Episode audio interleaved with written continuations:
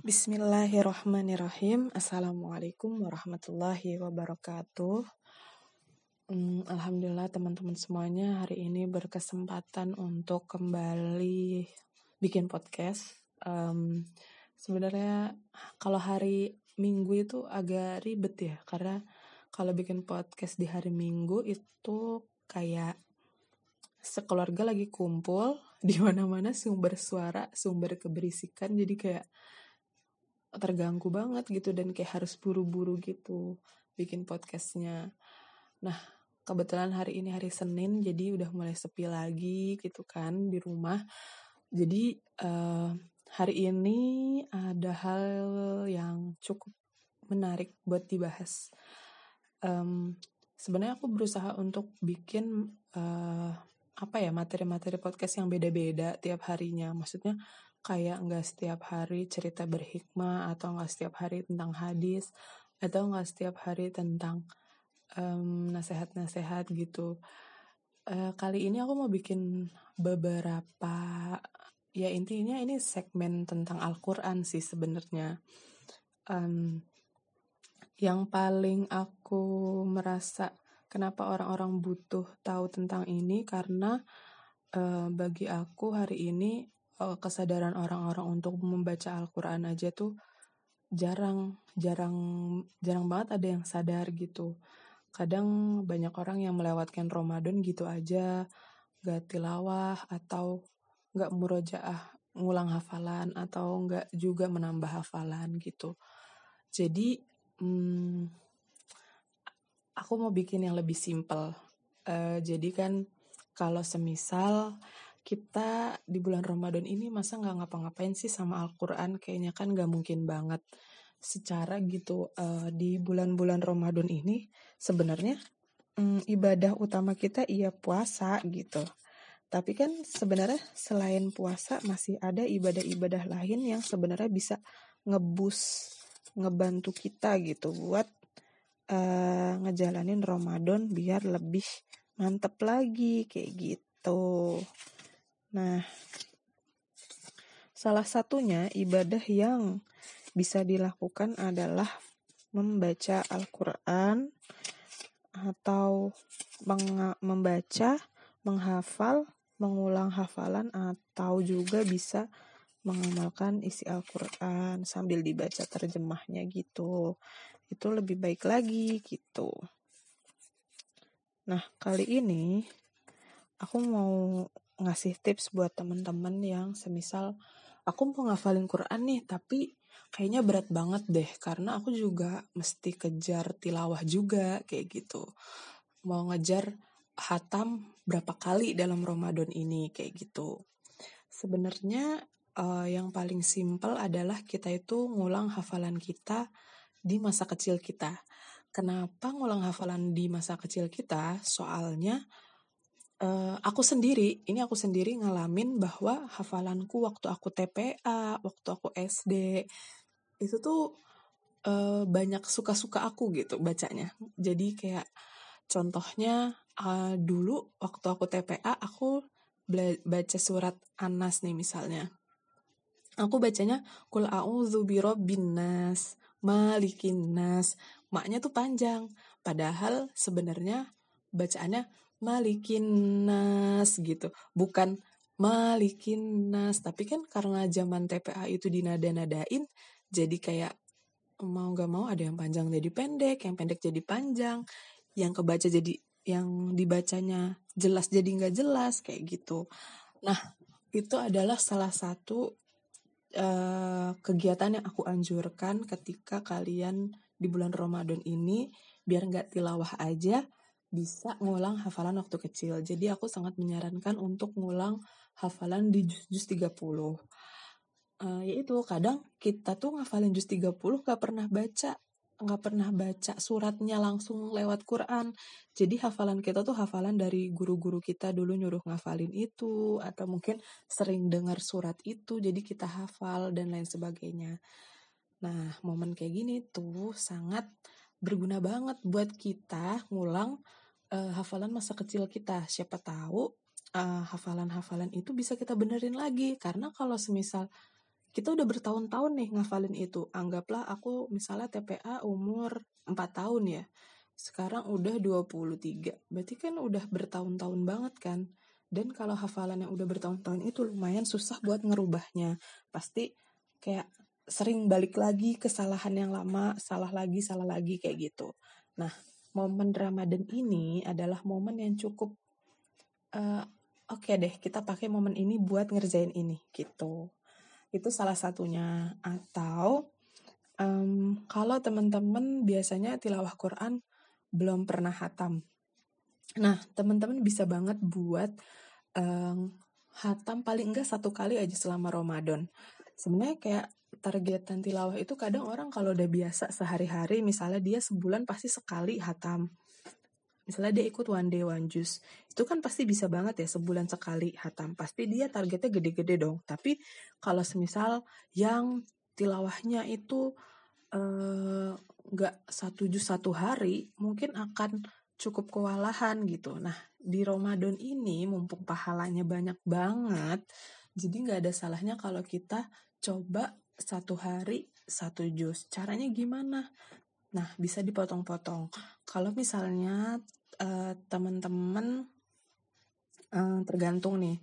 Jadi kan kalau yang saran dari di status-status dan di apa broadcastan gitu kan tiap kali sholat baca dua dua lembar ya. Ya, setiap sholat baca dua lembar. Nah, kalau semisal eh, tapi kan aku nggak tiap sholat baca gitu. Berarti di tiap sholat sholat sunnah teman-teman juga baca. Kalau nggak bisa tiap sholat wajib. Contohnya misal subuh eh dari tahajud dulu. Kalau semisal mau sahur sebelum sahur biasanya ada yang masih sholat. Entah sholat hajat lah sholat istihoroh lah sholat taubat atau sholat yang lain-lain gitu. Nah setelah sholat itu baca dulu aja. Misalnya dua lembar boleh atau dua halaman dulu boleh. Nah, nanti habis itu sahur. Nah, nanti habis subuh, kan kalau habis subuh biasanya kita nggak buru-buru nih. Uh, buat teman-teman yang kerjanya di rumah aja kan, insya Allah mah habis subuh bisa lah baca empat, lem, eh, empat halaman ya, atau dua lembar. Nah, zuhur misalnya, zuhur habis zuhur eh enggak zuhur dulu deh sholat duha dulu ya sholat duha misalnya. Habis sholat duha baca lagi. Nanti habis zuhur baca lagi kalau misalnya bisa. Tapi kalau semisal nggak bisa iya berarti kita cari di waktu sholat sunnah lain kayak gitu. Terus misalnya asar kalau orang-orang biasanya yang nggak bisa tilawah itu habis sholat asar biasanya ngebantuin orang tuanya masak atau bantuin nyiapin makanan berbuka lah dan lain sebagainya gitu udah mulai cari-cari makanan atau gimana di rumahnya berarti hmm, alokasi waktu di habis asar buat tilawah itu dipindahin ke setelah sholat sunnah atau setelah sholat fardu yang lain. Kayak gitu sebenarnya teman-teman pasti bisa sih menurut aku ngakal-ngakalin gimana. Uh, jadi anggaplah setiap sholat kalau sholat rawatib kan pasti nempel sama sholat wajibnya Nah, otomatis di sholat wajib mana waktu-waktu yang bisa tetap tilawah. Tapi untuk yang sholat wajib, habis sholat wajib gak bisa tilawah dulu, berarti bisa pakai sholat-sholat uh, sunnah. Misalnya sholat sunnah sebelum sahur, sholat misalnya sebelum sahur sholat tahajud, sholat hajat dan lain sebagainya itu bisa juga setelah sholat duha, misal ada teman-teman yang duh, duhanya tuh waktunya lumayan panjang, bisa buat tilawah, tilawah dulu. Atau uh, malam sebelum tidur teman-teman biasa sholat dua rakaat. Nah teman-teman tilawah deh di situ. Pokoknya bisa diakalin lah gimana caranya tilawah biar bisa selesai. Selain itu, selain tilawah mungkin ada teman-teman juga yang aku pengen ngafalin deh selama Ramadan gitu lumayan lah dikit-dikit Nah, yang paling penting adalah yang aku pengen garis bawahin adalah bahwa e, menghafal Quran itu bukan suatu hal yang wajib e, buat kita, e, tapi yang diwajibkan kepada kita itu sebenarnya adalah mempelajari Al-Quran, Al-Quran dan mengajarkan kepada orang-orang sekitar. Jadi um, even banyak orang yang nggak ngafalin Quran ya nggak apa-apa juga gitu.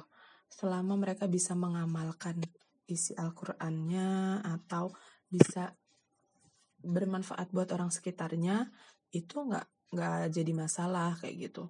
Tapi tentu teman-teman udah banyak baca tentang keutamaan menghafal Al-Quran. Teman-teman bisa searching lah ya betapa banyaknya keutamaan-keutamaan menghafal Quran. Nah, tapi kalaupun menghafal Quran juga jangan sampai kita ngafalin aja tapi tanpa punya makna sendiri. Artinya kalau kita ngafalin uh, dianjurin banget buat baca terjemah artinya biar nanti kita tuh paham apa sih yang kita hafalin tuh. Oh, ternyata begini, ternyata begini. Dan kadang kita kayak dapat quotes-quotes yang luar biasa gitu dengan membaca terjemah artinya. Kayak gitu-gitu. Nah, itu sangat membantu teman-teman buat apa ya? Bekal hidup lah ibaratnya. Atau baca-baca tafsir. Selain itu bisa baca tafsir Al-Quran.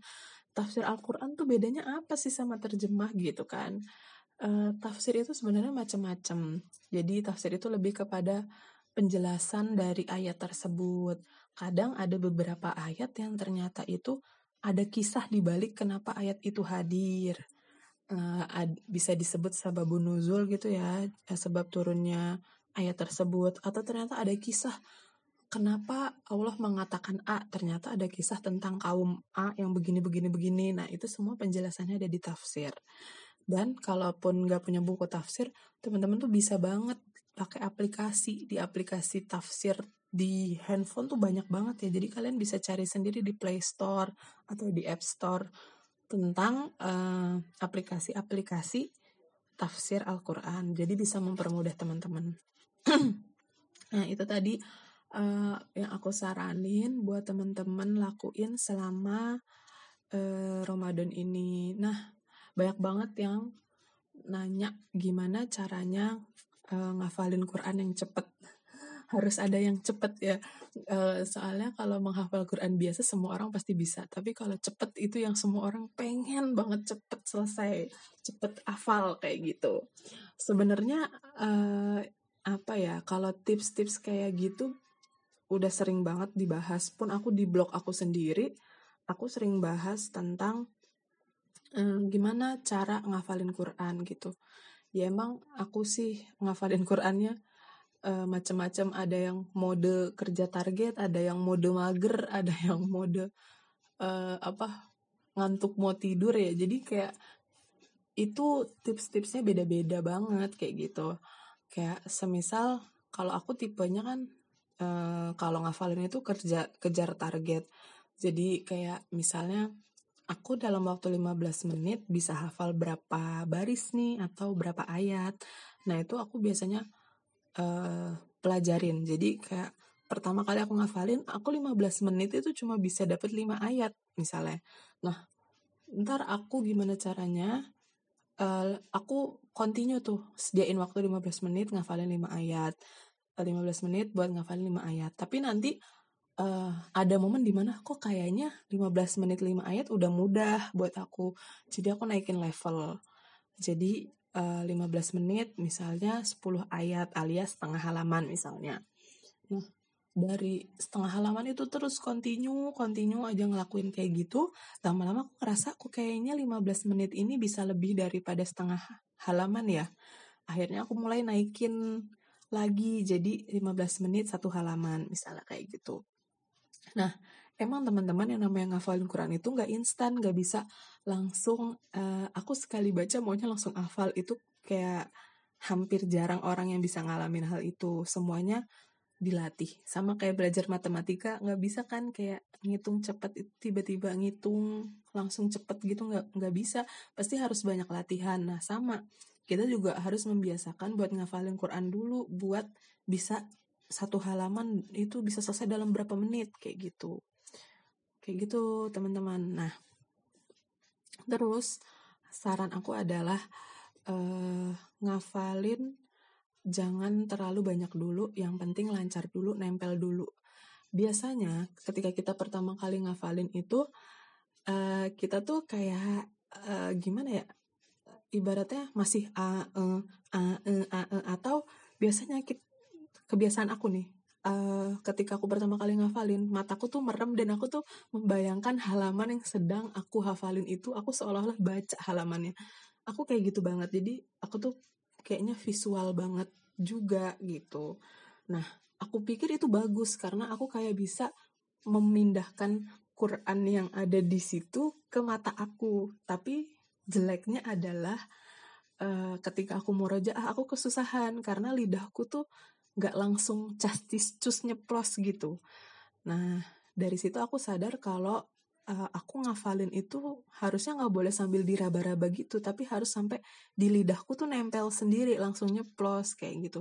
Nah, gimana caranya biar castis cus langsung nyeplos? Yaitu harus dengan banyak ngulang hafalannya tersebut. Jadi kalau semisal semakin kita sering ngulang, lidah kita tuh semakin kebiasaan. Oh, abis ayat ini ini, abis ayat ini ini. Padahal pertama kali kita ngafalin pasti kita ngafalin faida, abis faida, wakadaba, abis wakadaba, uh, ya ayuhaladhi kayak gitu. Kita pasti kayak gitu pertama kali. Tapi setelah kita sering ngulang-ngulang-ngulang, lama-lama lidah kita tuh akan uh, nyeplos sendiri gitu. Kayak udah natural set gitu. Makanya aku sekarang sedang belajar gimana caranya biar hafalan-hafalan yang nempel di mata itu bisa turun ke lidah, biar bisa langsung rastis cus, biar nggak sulit buat murojaahnya. Nah, terus yang itu yang kedua, tadi jangan terlalu banyak dulu memfosir, yang penting lancar dulu. Terus yang ketiga adalah eh, banyak-banyak berinteraksi sama Quran. Jadi kenapa salah satu yang bikin kita itu susah karena kita tuh jarang berinteraksi sama Quran. Saya kayak kita buka Quran kalau mau tilawah doang, kalau udah sejus udah kagak bakal buka-buka lagi tuh kayak gitu. Nah makanya teman-teman bisa cari cara-cara masing-masing. Misalnya teman-teman mau, oh aku mau ini ah tiap kali apa yang udah aku hafal aku tulisin. Oke boleh ditulisin. Atau ah tiap kali aku selain aku ngafalin aku mau deh tasmiin teman-temanku biar aku sering buka Quran sering murojaah juga apa yang temanku hafalin aku ikut hafal juga ikut ngulang juga kayak gitu. Nah itu bisa juga. Terus banyak juga yang nanya emang benar kalau misalnya ngafalin Quran itu misalnya kita ngafal Quran tapi kita dengerin lagu-lagu yang bahasanya pop-pop genre sekarang lah ya bener nggak sih bisa ngilangin hafalan? Gitu kan. Banyak yang nanya kayak gitu. Uh, sebenarnya konsepnya gini uh, kalau katanya Imam Syafi'i, al ilmu nurun. Jadi ilmu itu cahaya dan cahaya itu uh, hanya Allah hadirkan untuk orang-orang yang uh, apa ya bahasanya? Orang-orang yang menghindari maksiat. Jadi pada basicnya ngafalin Quran itu kan sebuah ilmu, sebuah cahaya gitu. Nah, nggak mungkin cahaya itu bisa dikasih sama orang-orang yang banyak bermaksiat. Jadi sebenarnya nggak cuma dengerin lagu aja gitu. Kadang kalau dengerin lagu yang sampai ngeresep-ngeresep ke hati gitu ya mungkin bisa jadi gitu. Semua ada hal yang mungkin gitu. Tapi yang paling mungkin untuk menghilangkan uh, hafalan Al-Quran adalah tidak mengulangnya sama sekali. Itu juga sih yang paling realistis. Karena banyak banget yang orang udah hafal tapi nggak mau murojaahnya nggak mau ngulangnya karena udah terlalu susah. Memang kayak gitu perasaannya teman-teman. Kadang misal ya aku sering menemukan kasus orang ngulang hafalan sama orang nambah hafalan nih. Suratnya sama tapi yang nambah hafalan bisa nambah bisa nyetor sehari misalnya dua halaman. Sedangkan yang ngulang hafalan cuma bisa nyetor sehari setengah halaman Kenapa bisa kayak gitu? Karena beban moral juga. Karena dia merasa, aku dulu udah pernah hafal ini nih. Kok sekarang rasanya nggak familiar? Kok sekarang rasanya susah? Dia punya perasaan kayak gitu. Makanya ketika dia ngafalin, dia termindset, wah susah banget nih. Padahal udah pernah aku hafalin. Kok aku bener-bener nggak ini ya gitu. Kok bener-bener nggak nempel ya kayak gitu. Nah, Sebenarnya itu teman-teman. Makanya ketika kita merojaah suatu hafalan, udah niatin aja. Pokoknya aku mah pengen ngulang hafalan biar nggak hilang. Sedikit juga nggak apa-apa. Bismillah. Jangan dipikir aku pernah ngafalin ini, kenapa aku udah nggak inget, kenapa aku udah nggak familiar. Itu nanti makin beban berat di pikiran kita sendiri. Jadi bikin semakin susah murojaahnya, ngulang hafalannya kayak gitu teman-teman um, sedikit-dikit lama-lama jadi bukit kok ngulang hafalan. Walaupun sulit, aku tahu sulit banget. Tapi ya mau gimana lagi itu yang harus dihadapin para penghafal Quran gitu. Karena kalau ustazahku dulu uh, pernah bilang, um, hafalan Al-Quran itu uh, lebih cepat uh, hilang daripada seekor keledai yang tidak diikat. Jadi uh, keledai yang gak diikat aja tuh cepet banget. Gimana hafalan hilang berarti kan lebih cepet daripada itu. Nah tugas kita adalah buat berusaha untuk ngulang hafalannya. Pasti nggak mungkin nggak ada hafalan yang nggak lupa. Misalnya kayak misal hafalanku nih jus 1, jus 2, jus 3 nggak mungkin aku tiga jus itu hafal bener-bener yang tok ngelotok gitu kalau aku baru punya hafalan itu kayak setahun, dua tahun, dan aku jarang lagi murojaahnya misalnya. Pasti banyak yang hilang-hilang, tapi paling enggak kita udah berusaha seumur hidup kita buat menjaga hafalan kita itu. Karena nanti di akhirat yang ditanyain, apakah kita bisa ngejaga hafalan kita itu atau enggak? Apa usaha yang udah kita lakuin buat ngejaga hafalan itu? Kayak gitu. Kita nggak akan ditanyain eh, apa e, kamu udah mutkin belum? Ya, kalau bisa mutkin. Tapi kalau misal kita udah berusaha sekuat tenaga tapi lupa-lupa terus, ya mau gimana? Yang penting kita sudah berikhtiar semaksimal mungkin. Karena namanya manusia itu tempatnya lupa dan salah. Kita nggak bisa pungkiri itu, kayak gitu. Jadi jangan pernah takut ngafalin Quran karena takut gak bisa murojaahnya atau gak bisa ngulangnya. Nggak, insya Allah semua Allah mudahkan selama niat kita baik lakuin aja. Jadi jangan pernah ragu-ragu melakukan hal yang baik kayak gitu. Nah udah itu aja. Dan saran aku tiap kali teman-teman abis ngafalin tolong banget please banget harus diulang. Paling enggak 5 sampai 7 kali lah setelah kalian setoran. Dan hafalan yang udah kalian hafal itu harus banget disetorin biar ada yang benerin kalau ada yang salah um, tajwidnya atau mahorijul hurufnya atau ayatnya keulang-ulang atau ada yang hilang kata-katanya dari satu ayat kayak gitu. Jadi usahakan untuk tetap ada temen yang bisa bantu nyet, uh, nyimakin hafalan kita. Kayak gitu teman-teman udah terlalu panjang, mungkin aku akan bahas lain kali lagi tips-tips yang lebih mudah. Gitu. Eh, selamat mencoba. Semoga Ramadan kali ini kita lebih produktif.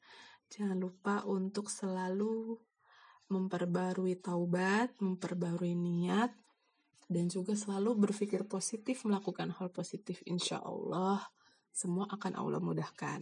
Buat teman-teman yang request uh, buat ngobrolin masalah hati, aku akan bikin dulu ya uh, rule rule map. Uh, maksudnya aku mau bikin dulu alur berpikirnya aku mau ngobrolin apa karena kalau ngomongin soal hati itu kayak panjang banget dan pasti butuh banget uh, di apa ya di linkerin gitu dibatesin sampai mana doang kayak gitu.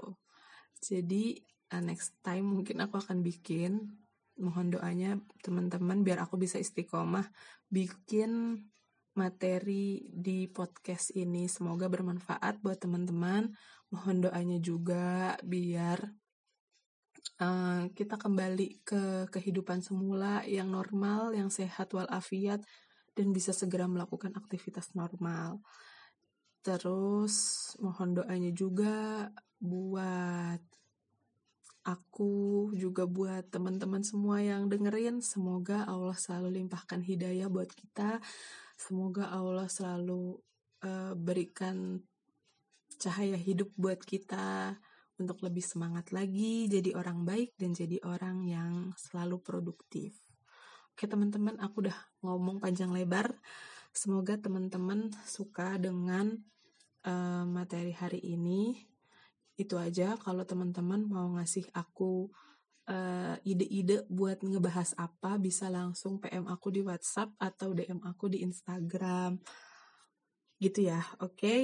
Terima kasih udah mau dengerin. Uh, mohon maaf apabila ada salah-salah kata. Wassalamualaikum warahmatullahi wabarakatuh